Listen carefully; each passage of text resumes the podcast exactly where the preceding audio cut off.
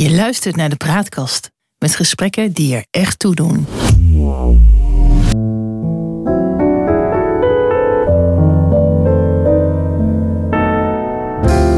Welkom bij de Praatkast.nl.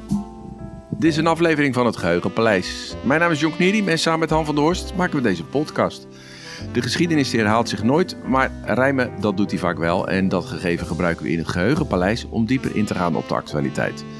Zo gaan we aan de waan van de dag voorbij en bereiken we de kern van het nieuws. We scheppen orde in de maalstroom van berichten die het zicht op de grote lijn belemmeren. En tussen beiden blijkt dat de werkelijkheid vaak genoeg elke fantasie te boven gaat. Nek aan nek, dat was de race in de Senaat eh, in de Verenigde Staten. Maar de grote overwinning van de Republikeinen die voorspeld werd, die is uitgebleven. Alhoewel ze in het Huis van Afgevaardigden wel de meerderheid gaan krijgen. Han, is de Republikeinse revolutie afgewend in de Verenigde Staten? Nou, daar kan jij beter een antwoord op geven dan, uh, dan ik. Want jij bent net terug uit uh, New York en Florida. Ja. Um, wat uh, voor een stemming heb je daar aangetroffen? Nou, uh, we moeten natuurlijk oppassen om uh, New York uh, als voorbeeld voor heel Amerika te laten gelden. Want New York is niet Amerika. En in zekere zin geldt dat natuurlijk ook voor, voor Florida. Wat mij opvalt is dat wij in de media echt een, een idee krijgen alsof daar de burgeroorlog op uitbreken staat. En uh, dat er verschrikkelijke dingen gaan gebeuren als straks uh, de Republikeinen het meerderheid uh, hebben in de verschillende huizen. Maar de sfeer die je daar proeft op straat, in de auto, in het vliegtuig, in restaurants, is wat mij betreft gewoon een hele ja, relatief ontspannen sfeer. En ik vind dat eruit maar ja, niet uit niet veel dingen blijkt dat het land uh, op een soort, uh, ja, op de rand van de afgrond uh, staat. Dus ja, ik, ik heb me daar een beetje over verbaasd eigenlijk de afgelopen tijd. En mijn analyse is de volgende. Het gaat allemaal bij de media om het creëren van eyeballs. Om ervoor te zorgen dat je zoveel mogelijk bezoekers op je site hebt. En daar is iedereen mee bezig. En extreme dingen trekken nou eenmaal meer kijkers en luisteraars dan gematigde dingen. Dus er is een soort focus op de extremiteiten. En dat is ook hier in Nederland uh, het ge geval. Uh, afgelopen week uh, een interview met de schrijver van een boek van een correspondent in de Verenigde Staten. Ja, alsof ze op de rand van de afgrond staan. Maar, maar Han, kan jij mij vertellen, als we zo eens terugkijken in de afgelopen, nou laten we zeggen, 100 jaar hoeveel zittende presidenten hebben bij de zogenaamde midterms, dus halverwege hun periode, uh, uh, zeg maar hun, hun, positie verstevigd? Zijn dat er veel geweest? Nou, uh, geen enkele eigenlijk. Zo'n president krijgt eerst honderd dagen, dan wordt hij ontzien door de media. Ja. En dan mag je het proberen. daarna gaat iedereen los. En in de Verenigde Staten worden de verkiezingen voor de Tweede Kamer elke twee jaar gehouden, niet elke vier jaar. Ja. En dat uh, geeft dan de kiezer meteen uh, de gelegenheid om een draai om de oren aan de president te geven, als die kiezer dat wil. Want die is vaak ook nog heel erg op lokale en plaatselijke ja. issues gericht. En Amerika kent een districtenstelsel. Dat ja. districtenstelsel kun je bovendien heel erg gebruiken om uh, om de, uh, de verkiezingen, de uitslag van de verkiezingen te beïnvloeden. Dat is ooit uitgevonden in de 19e eeuw door een politicus die heette Jerry Mende. Die zo heet die methode ook, hè? Ja. En zo heet die methode ook. En dat is, je vormt de je, je stelt, uh, je trekt de grenzen van de kiesdistrict zo dat jouw aanhangers binnen dat gebied een meerderheid hebben en dat de aanhangers van de tegenpartij over heel veel andere districten verdeeld zijn. Die grenzen ja. van die districten zijn dan ook heel vreemd en ze worden ook heel vaak aangepast. Ja. En uh, tot zover de Amerikaanse democratie, zou ik willen zeggen. Ja. Dat geldt dus voor de, uh, voor de Tweede Kamer, zeg maar. Ja. Het Huis van Afgevaardigden. Dan heb je de Eerste Kamer. De Senaat, die, zeg maar. De Senaat, die is veel belangrijker dan de uh, Nederlandse Eerste Kamer, die telt elke deelstaat, elke, deel, elke staat in de Verenigde Staten, die heeft twee senatoren. Ja. En elke twee jaar wordt een derde van de zetels vernield. Ja. En je zit als senator zes jaar. Overigens, dat is een typisch ouderwets 19e eeuw systeem. Dat soort systemen hebben wij in Nederland ook heel vroeger gehad in de tijd van Thorbecke voor gemeenteraden en zo. Dus Ja. een derde wordt regelmatig ververs en dan heb je een langzame aanpassing aan de volkswil, om zo te zeggen. Dat is de gedachte daarachter. Ja. Senatoren die werden tot in de 20e eeuw niet door rechtstreeks door het publiek verkozen, maar door de volksvertegenwoordigingen van de staten. En die staten die hebben ook nog allemaal hun eigen grondwetten en hun Ja. eigen manieren van doen. hè. Wij horen dat nu over Georgia. Dat is een van de weinige staten in de Verenigde Staten waar je om gouverneur te worden of senator meer dan 50% van de stemmen moet hebben. Dat is zo'n beetje het systeem wat we in verschillende Europese landen met extra verkiezingen, met herverkiezingen Ja. kennen. Ja. En dat gaat Ja. in Georgia nu gebeuren, zodat het misschien wel eh, na Sinterklaas wordt, voor we weten of Republikeinen dan wel Democraten de meerderheid hebben in de Senaat. Nog één dingetje over die Senaat, voordat ik je, voordat je laat praten. De, voorzitter, de vicepresident van de Verenigde Staten, die is kwalitate qua voorzitter van de Senaat. En die geeft bij, eh, gelijk, bij, bij, bij, als de stemmen staken, geeft haar stem de doorslag. Ja, dat hebben we gehad de afgelopen twee jaar. eh, eigenlijk eh, eh, dat eh, Kamala Harris daar als Ja. voorzitter de doorslag moet geven en de Senaat 50-50 verdeeld was. Ja. En het zou nou wel eens kunnen dat de Republikeinen daar de meerderheid krijgen. Maar ja, ik herinner me dat ook Obama en Bush en zelfs Trump en volgens mij ook Bill Clinton allemaal te maken hadden met een onwillige Senaat, zal ik maar zeggen. Ja, dat hoort Dus er dat- nou eenmaal bij. Je moet Ja. als de president van de Verenigde Staten is een buitengewoon machtig persoon. Hij stelt de regering eh, samen. Hij heeft de uitvoerende macht. Hij kan niet met een motie van wantrouwen ten val worden gebracht.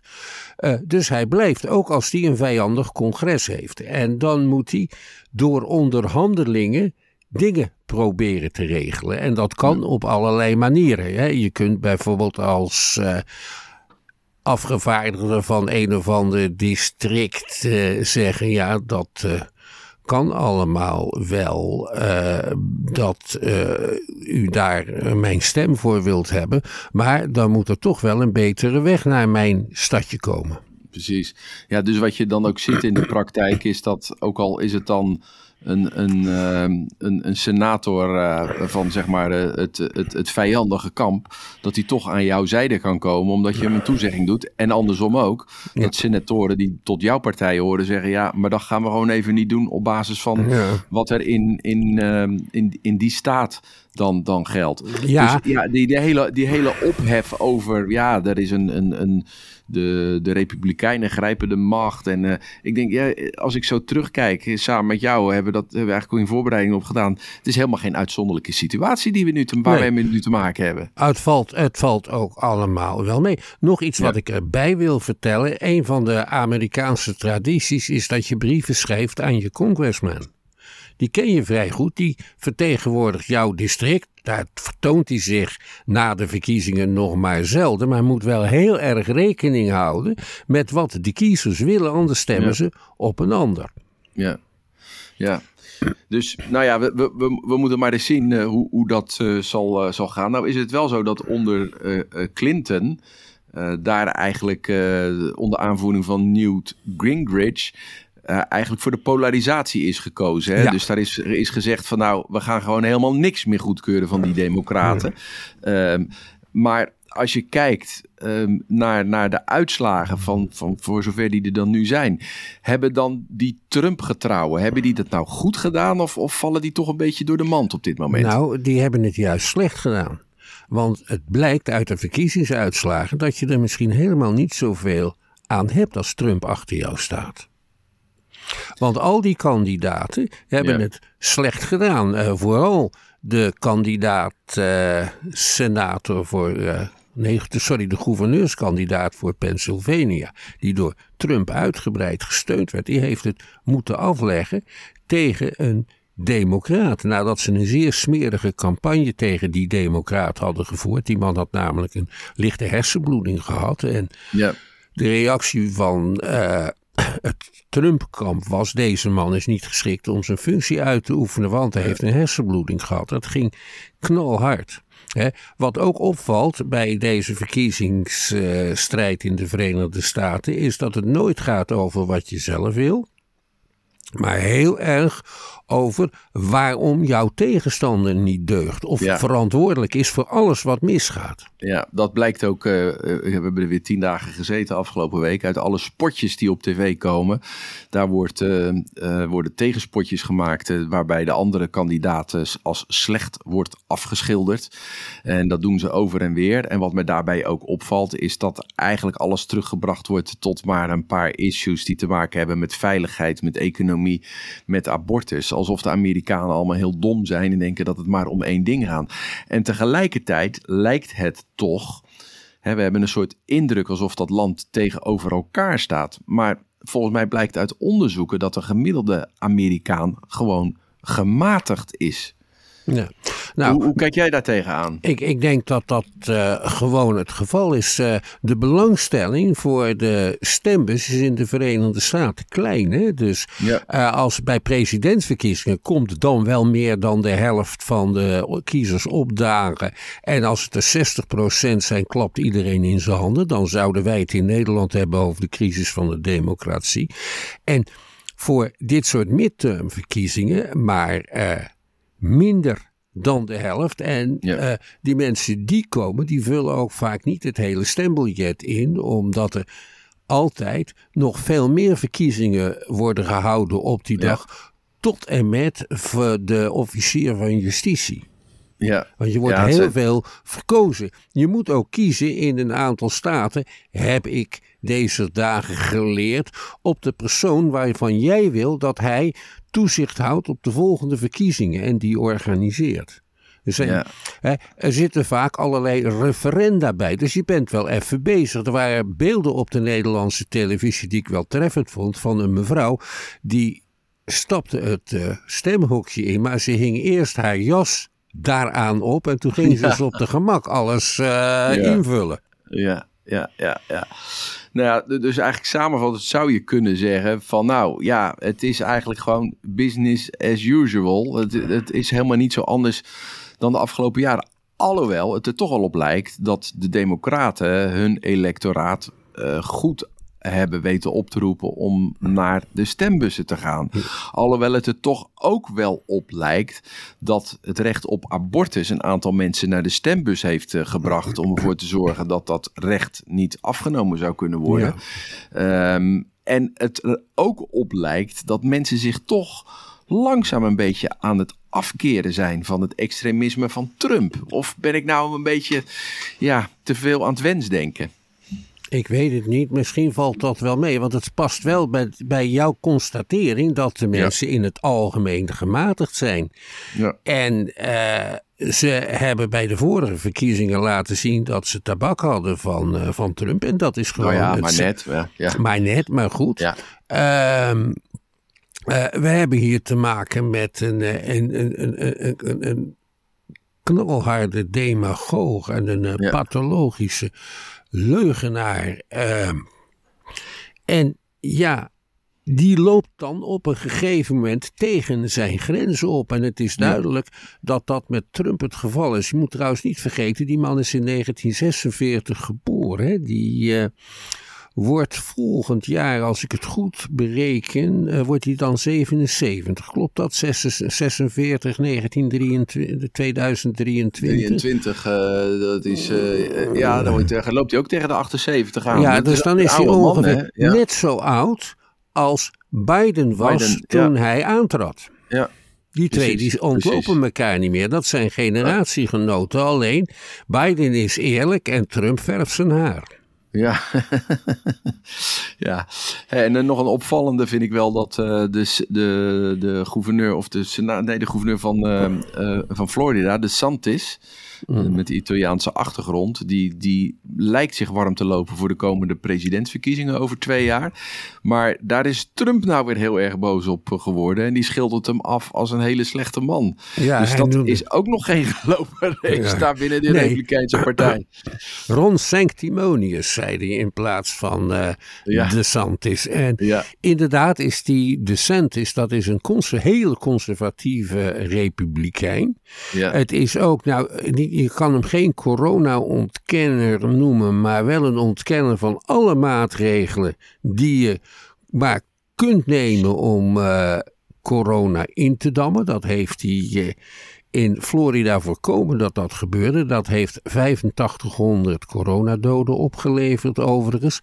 En deze DeSantis achteraf geen windeieren gelegd. Hij is uh, met een grote meerderheid herkozen als ja. gouverneur van Florida. Nadat hij ja. eerst met een hele minieme meerder, min, uh, meerderheid zijn eerste verkiezing tot gouverneur had gewonnen.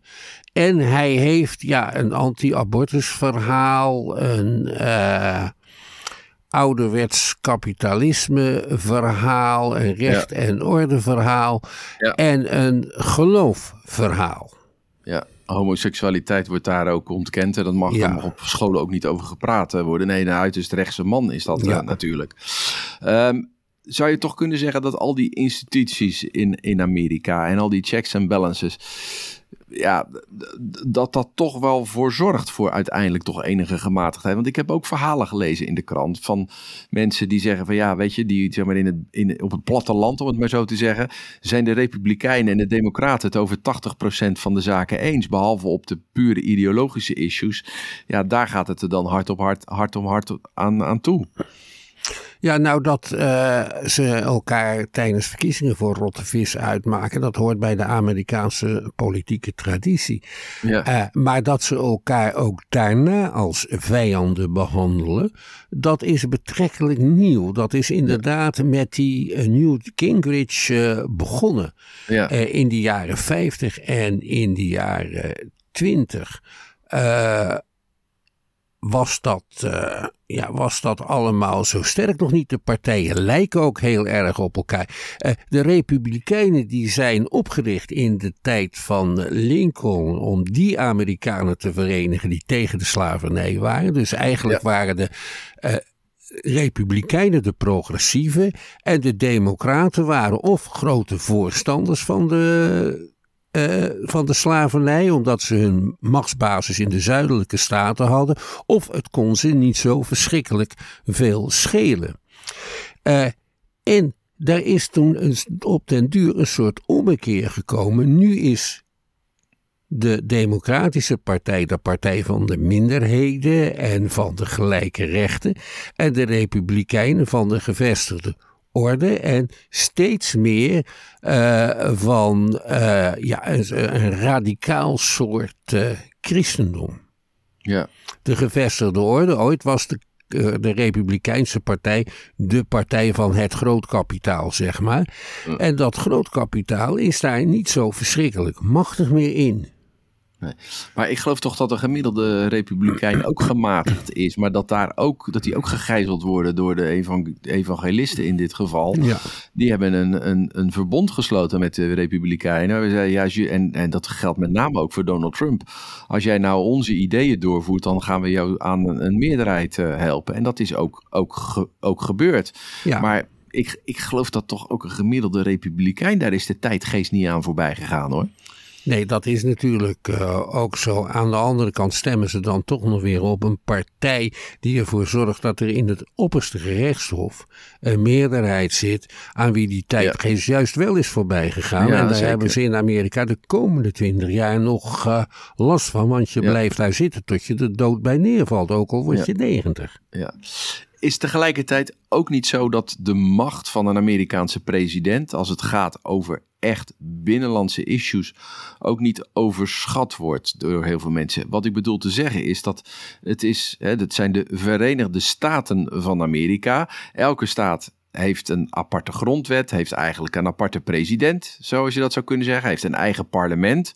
En binnen elke staat uh, worden gewoon heel veel regels per staat ook gemaakt. Dus moet je dan nou ook niet ja, te veel waarde hechten aan wat zo'n zo'n president van de Verenigde Staten kan doen? Het schijnt dat ze in Californië zelfs een minister van Buitenlandse Zaken hebben. Uh, ja. Nou, die, die staten hebben een, uh, een eigen rechtsstelsel vaak. Uh, hun, ze regelen het, het onderwijs zelf.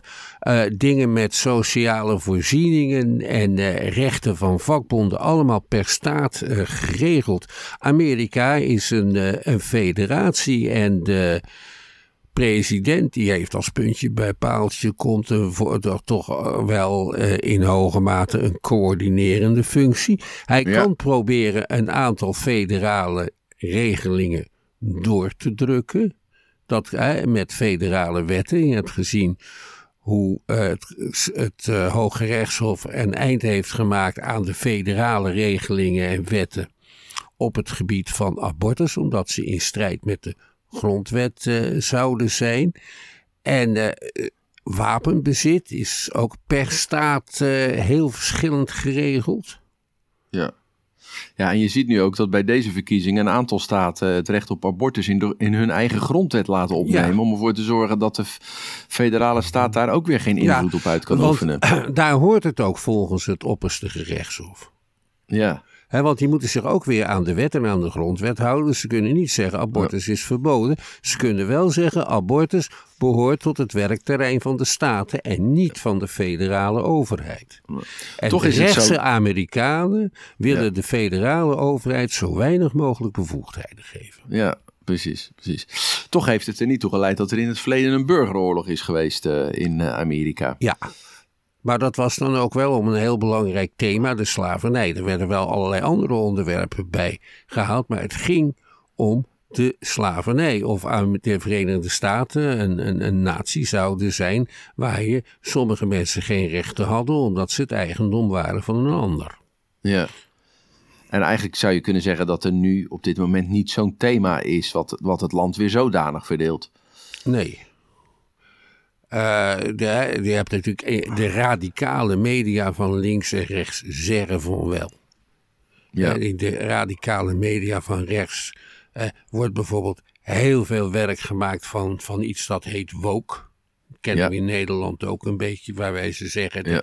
radicale eh, st- minderhedenleiders willen onze vrijheid afschaffen. Ja. Maar dat is, Ja. ja. dat is allemaal ketelmuziek. Ja, en dat zie je vooral op Fox News. Daar wordt ook Ja. altijd gedaan, over gedaan alsof dat het leidende kanaal is. Maar dat is ook gewoon helemaal niet zo in Nee. Amerika. En je hebt ook gematigde kanalen zoals NB, eh, NCBC.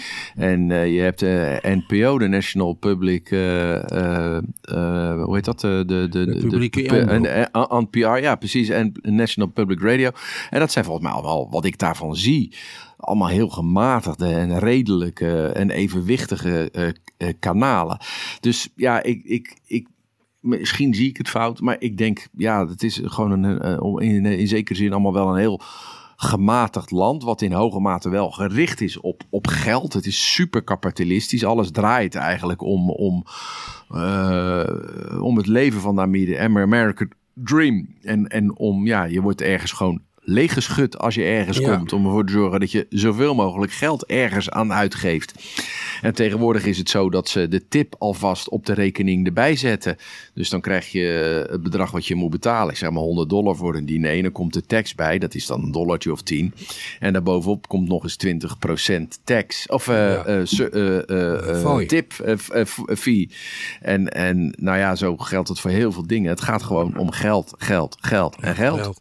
En, die, en dat bedienend personeel moet ook van die tips leven. Ja, Dus inderdaad. je ja. betaalt ze of een behoorlijk salaris, of iedereen betaalt een behoorlijke tip en die staat gewoon op de rekening. Ja, En, precies. en dat van die tip op de rekening is dan de American Way. Ja, niet de precies. Nederlandse way. Wij zeggen Nee. die mensen moeten een keurig salaris krijgen met een ziekenfonds eh, Ja. erbij. Uh, maar jij, hebt, jij bent uh, naar een goeroe geweest. Nou, het is geen goeroe, maar ik begrijp wat je uh, bedoelt. naar aanleiding van een documentaire die op Netflix te zien is. I'm Not Your Guru. gaat over Tony Robbins. Ja. ja. dat is een, een coach die onder andere Bill Clinton, Nelson Mandela, Lady Di, Michael Gorbachev uh, heeft hij gecoacht. En hij heeft veel zelf boeken geschreven die wereldwijd uh, heel uh, goed verkocht zijn. Miljoenen exemplaren. En nou ja, mensen betalen veel geld om bij een seminar van, hij, van hem te zijn. En ja, hij is een beetje ja, de belichaming van de positieve psychologie. En ik ben bij zijn Unleash the Power Within seminar geweest. Dat was vier dagen lang. Een event to help you unlock, unlock and unleash the forces inside that can help you break through any limit and create the quality of life you desire. Nou, dat is nogal veelbelovend. Dat ik het leven kan leiden tegen een kwaliteit wat ik graag zou uh, uh, willen. Ja, ik moet zeggen, hele opzwepende bijeenkomsten waren dat. Heel positief. En daar neemt je echt wel wat van, uh, van mee. En het is eigenlijk op gericht om ja, de American Dream te leven. En om je eigen beperkingen te omzeilen en je doelen te bereiken en controle te nemen over je eigen leven. En het interessante van hem is wel dat hij alles wat hij doet is gebaseerd op wetenschap, op psychologische wetenschap, op een heleboel andere wetenschappelijke dingen. Dus het is echt geen onzin wat hij doet. En hij vindt uiteindelijk uh, zijn oorsprong in het NLP, het neurolinguistische programmeren. Het is niet een onomstreden uh, theorie uit de jaren 70, uh, maar wel heel populair. En ja, dat kan, je leven kan je veranderen door proberen je gedachten en je overtuigingen te veranderen. En dat kan je dan doen door ja, in je lichaam bepaalde dingen te veranderen, uh, waardoor je jezelf in zo'n staat uh, kan uh, brengen. Dus ja, kijken op Netflix naar I Am Not Your Guru. Geeft niet helemaal het juiste beeld, maar wel een aardige indruk erop. over van, van, van, wat, wat hij doet. En ja, ik moet zeggen, het was een hele leuke, bijzondere, maar ook hele Amerikaanse bijeenkomst. Heel erg gericht op upsell. Uh, dus we verkopen nog meer aan je. Ja. en op zondagochtend kwamen er allerlei succesvolle mensen naar voren. En die vertellen dan een verhaal hoe ze van niks tot iets geworden zijn. Nou, daar, uh, daar het gaat altijd met veel emotie gepaard. Nou, dat, deed ook bij mij de tranen in de ogen uh, uh, opkomen. Eerlijk dus, ja, echt, het, het, dat raakt je gewoon toch. Mensen zijn gewoon heel goed in het vertellen van verhalen in Amerika. En dat resoneert gewoon. Het wordt wel een beetje religieus. Daar heb ik dan wel weer wat problemen mee. Maar ja, op een gegeven moment kwam er iemand uh, het toneel op uh, zonder benen. En, uh, maar met maar één arm. Zoals deze jongen geboren. En die vertelt dan hoe hij toch zijn weg in het leven vindt. En ja, het zijn gewoon hele emotionele, beroerende verhalen. Voorbeelden voor hoe het ook voor jou zou kunnen zijn. En eigenlijk de boodschap die daar gegeven wordt. Voor iedereen is de American Dream weggelegd. Nou, dat is maar de vraag natuurlijk of dat echt zo is. Maar daar lijkt het wel op. En het interessante is dat die Tony Robbins, die zelf natuurlijk ook een hele moeilijke jeugd heeft gehad, hij is ook een groot filantroop. Hij wil komend jaar ervoor, ervoor zorgen dat, uh, dat hij 1 miljard maaltijden verstrekt. En een groot gedeelte van wat hij verdient gaat daaraan op. En dat vindt iedereen fantastisch. Ik als Europeaan denk dan, nou, Misschien moet je proberen het systeem te veranderen om iedereen gewoon een normaal inkomen te geven, zodat ze hun eten kunnen kopen. Maar dat is niet hoe een Amerikaan denkt. Dus die, dat filantropie, daar kijken ze op een wat andere manier tegenaan dan wij. Dat vind ik dan ook wel weer kenmerkend voor de Amerikaanse cultuur. Ik zag iets heel leuks bij het Metropolitan Museum, op de site van het Metropolitan Museum in New York. Um, daar mogen burgers van de stad en van de staat New York zelf bepalen hoeveel ze het kaartje waard vinden. Ja, dat is ook een, ook een hele interessante weer natuurlijk. Ja, wat, ja, dat is wel het ultieme natuurlijk om aan te tonen wat jij, dat jij toegevoegde waarde hebt uh, voor, uh, voor iets. Ja, maar goed, ik heb daar vier dagen rondgelopen en dan zie je allemaal ja, toch leuke, enthousiaste, vriendelijke mensen uh, die ook op een bepaalde manier toch met elkaar verbonden zijn. En met veel dansen en met veel, veel bewegingen wordt daar ja, een beetje goede Amerikaanse sfeer uh, gebracht. En moet je je voorstellen dat zo'n evenement, daar zijn dus gewoon 15.000 mensen aanwezig vier dagen lang. Hè, van s ochtends vroeg tot s avonds laat. Op een schaal en een intensiteit zoals we die in Europa niet kennen. Zijn er nou dingen die jij voortaan anders gaat doen? Uh, Nou ja, een van de zaken hebben. Ik kan nog wel eens een beetje. Het wordt een beetje een persoonlijk verhaal dan. Maar ik kan nog wel eens een beetje in een, in een dipje raken. door de tegenslagen die je hebt zo op de dag. En ik denk wel dat ik nu in staat ben om wat makkelijker. door even met mijn kont te schudden. weer in de goede moed terecht te komen.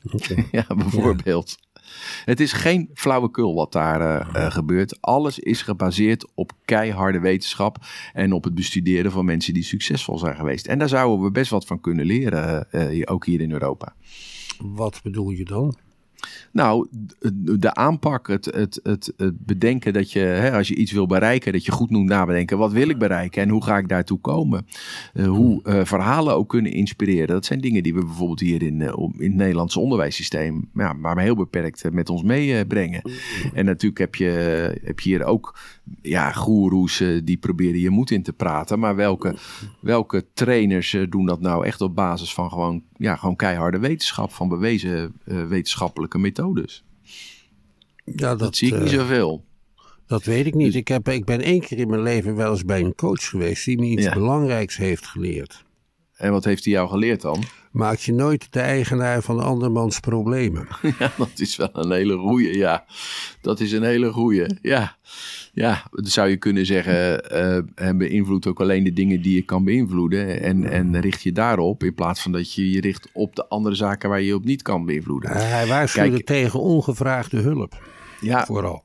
Ja, aan anderen bedoel je? Ja. Aan anderen, ja. Ja, ja, ja. Een advies is hulp waar niemand om gevraagd heeft natuurlijk. Ja, uh, ja dat zijn, uh, zijn zaken.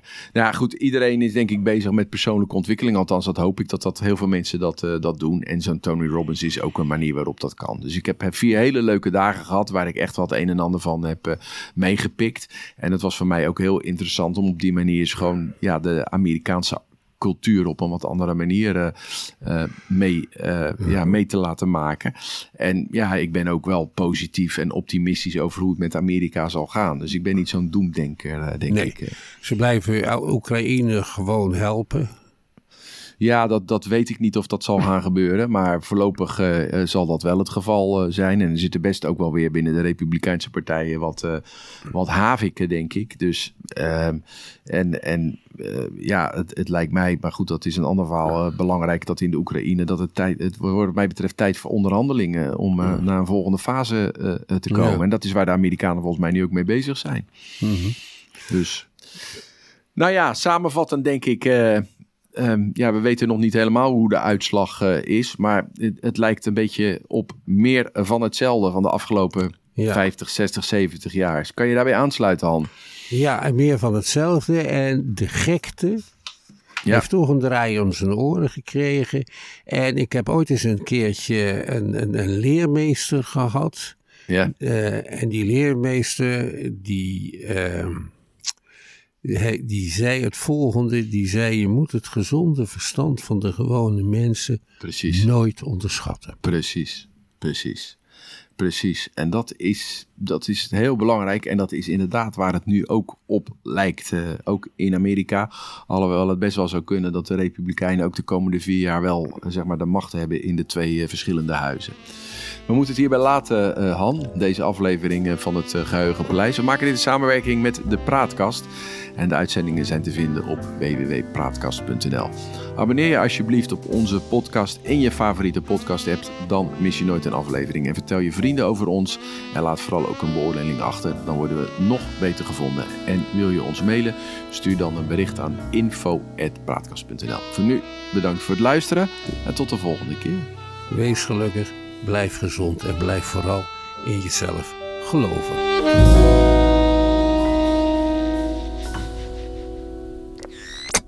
De Praatkast.